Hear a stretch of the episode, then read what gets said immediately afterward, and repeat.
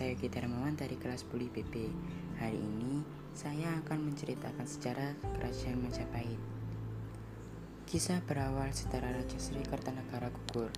Kerajaan Singosari berada di bawah kekuasaan Raja Jayakatwang dari Kediri.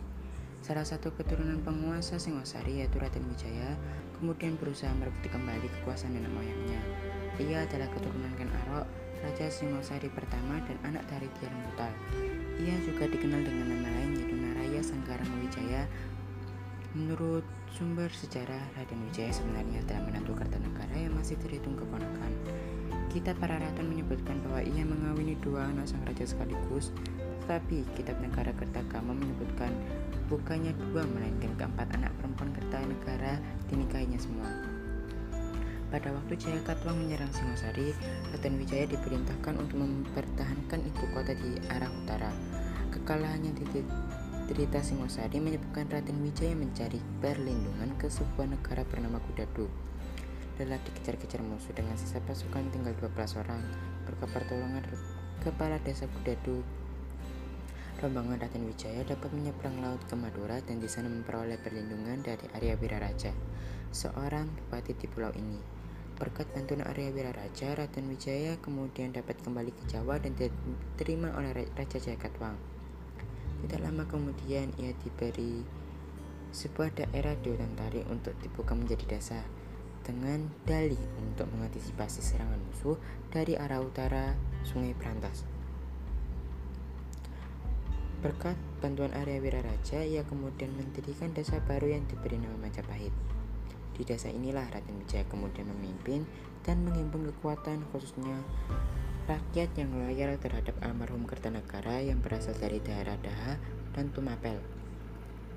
Arya Wiraraja sendiri menyiapkan pasukannya di Madura untuk membantu Raden Wijaya bila saatnya diperlukan. Rupanya ia pun kurang menyukai Raja Jayakatwang tidak terduga sebelumnya bahwa pada tahun 1293 Jawa kedatangan pasukan dari Cina yang diutus oleh Kubilai Khan untuk menghukum Singosari atas penghinaan yang pernah diterima utusannya pada tahun 1289.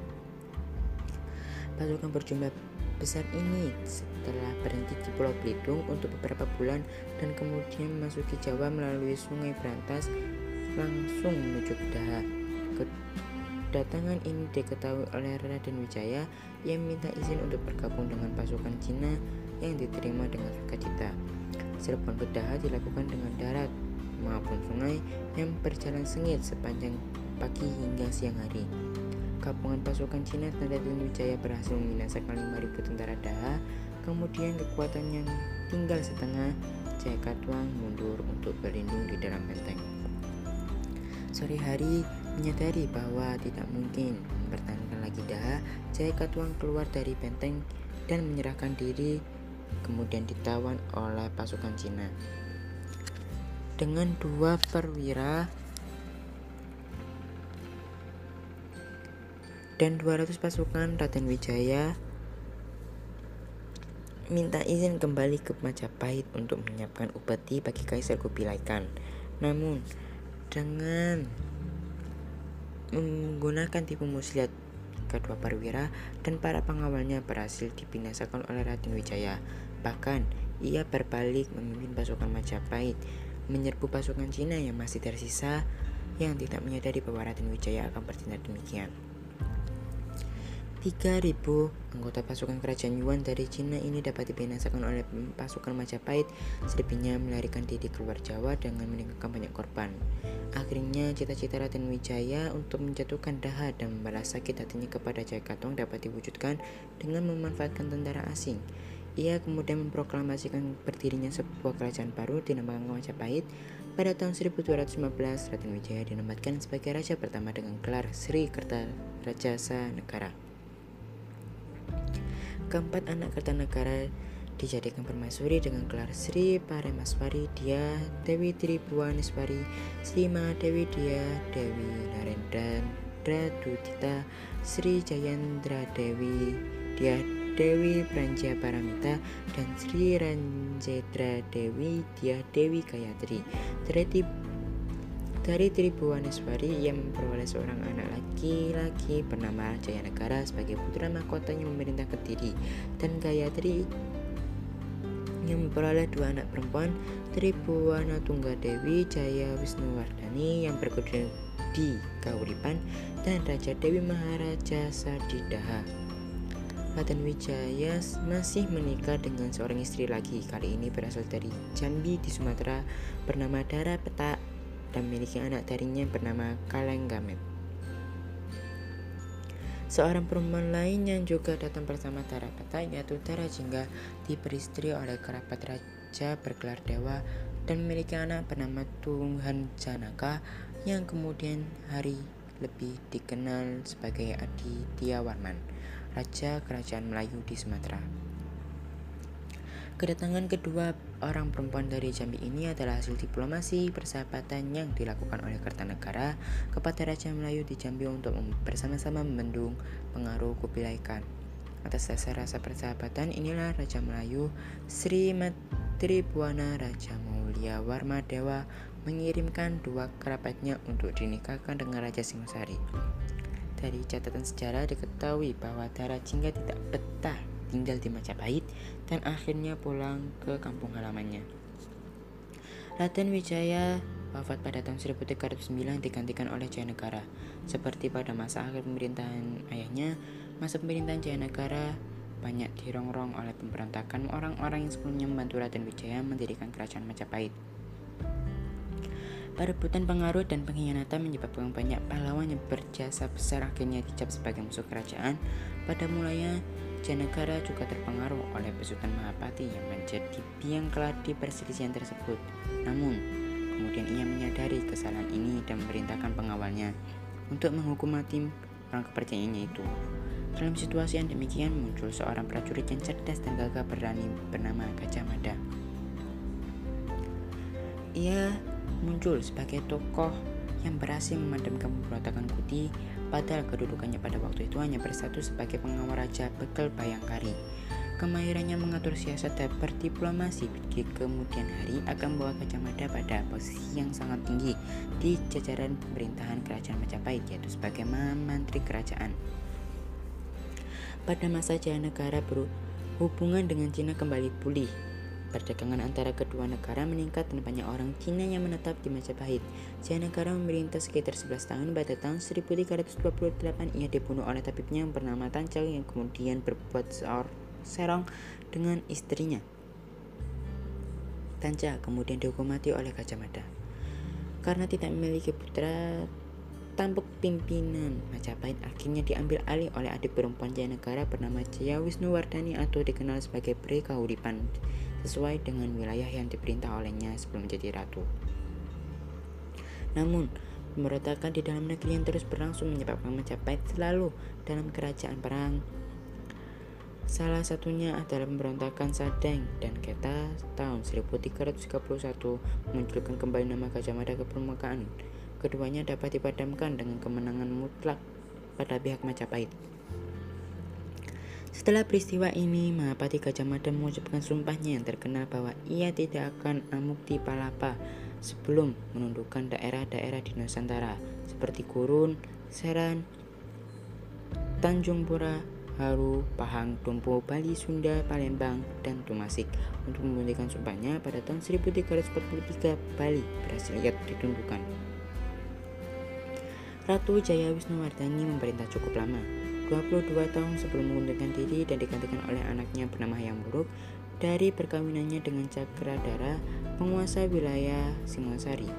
Hayam Buruk dinobatkan sebagai raja pada tahun 1350 dengan gelar Sri Rajasa Negara.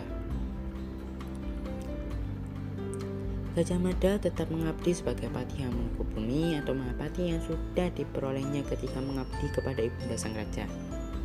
Di masa pemerintahan Hayam Buruk, inilah Majapahit mencapai puncak kebesarannya.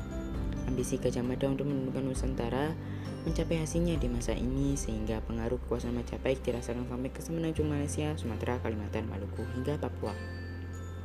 Tetapi Jawa Barat baru dapat ditaklukkan pada tahun 1357 melalui sebuah peperangan yang dikenal dengan peristiwa Bubat yaitu ketika rencana pernikahan antara Dia Pitaloka, Raja Pajajaran, dengan Hayam Buruk berubah menjadi peperangan terbuka di lapangan Pubat, yaitu sebuah lapangan di ibu kota kerajaan yang menjadi lokasi perkemahan rombongan kerajaan tersebut. Akibat peperangan itu, dia Pitoloka bunuh diri yang menyebabkan perkawinan politik dua kerajaan di Pulau Jawa itu gagal. Dalam kitab para raton disebutkan bahwa setelah peristiwa itu Hayam Wuruk menyelenggarakan upacara besar untuk menghormati orang-orang Sunda yang tewas dalam peristiwa tersebut. Perlu dicatat bahwa pada waktu yang bersamaan sebenarnya kerajaan Majapahit juga tengah melakukan ekspedisi ke Dompo dipimpin oleh seorang petinggi bernama Nala. Setelah peristiwa Bupat, Mahapati Gajah Mada mengundurkan diri dari jabatannya karena usia lanjut. Sedangkan Hayam Wuruk akhirnya menikah dengan suaminya sendiri bernama Paduka Sori, anak Bre Wengker yang masih terhitung bibinya. Di bawah kekuasaan yang buruk, kerajaan Majapahit menjadi sebuah kerajaan besar yang kuat, baik di bidang ekonomi maupun politik. Hayam Wuruk memerintah pembuatan bendungan-bendungan dan saluran-saluran air untuk kepentingan irigasi dan mengendalikan banjir. Sejumlah pelabuhan sungai pun dibuat untuk memudahkan transportasi dan bongkar muat barang. 14 tahun setelah ia memerintah, Mahapati Gajah meninggal dunia di tahun 1364. Jabatan Putpati Hamangkubumi tidak terisi selama tiga tahun sebelum akhirnya Gajah Enggon ditunjuk Hayam Buruk untuk mengisi jabatan itu. Sayangnya, tidak banyak informasi tentang Gajah Enggon di dalam prasasti ataupun naskah-naskah masa Majapahit yang dianggap mengungkap sepak terjangnya. Raja Hayam Buruk wafat pada tahun 1389 Menantu yang sekaligus merupakan keponakannya sendiri yang bernama Wardana naik tahta sebagai raja. Justru bukan Kusumawardani yang merupakan garis keturunannya langsung dari Hayam Wuruk. Ia memerintah selama 12 tahun sebelum mengundurkan diri sebagai pendeta. Sebelum turun tahta, ia menunjuk putrinya Suhita menjadi ratu. Hal ini tidak disetujui oleh Bre Wirabumi, anak Hayam Wuruk dari seorang selir yang menghendaki tahta itu dari keponakannya. Perebutan kekuasaan ini menimbulkan sebuah perang saudara yang dikenal dengan Perang Parekrek. Bre Wirabumi yang semula memperoleh kemenangan akhirnya harus melahirkan diri setelah Bre Tumapel ikut campur membantu pihak Suita. Bre Wirabumi kalah bahkan akhirnya terbunuh oleh Raden Gajah. Perselisihan keluarga ini membawa dendam yang tidak bersudahan. Beberapa tahun setelahnya terbunuh Bre Wirabumi, kini giliran Raden Gajah yang dihukum mati karena dianggap bersalah membunuh bangsawan tersebut.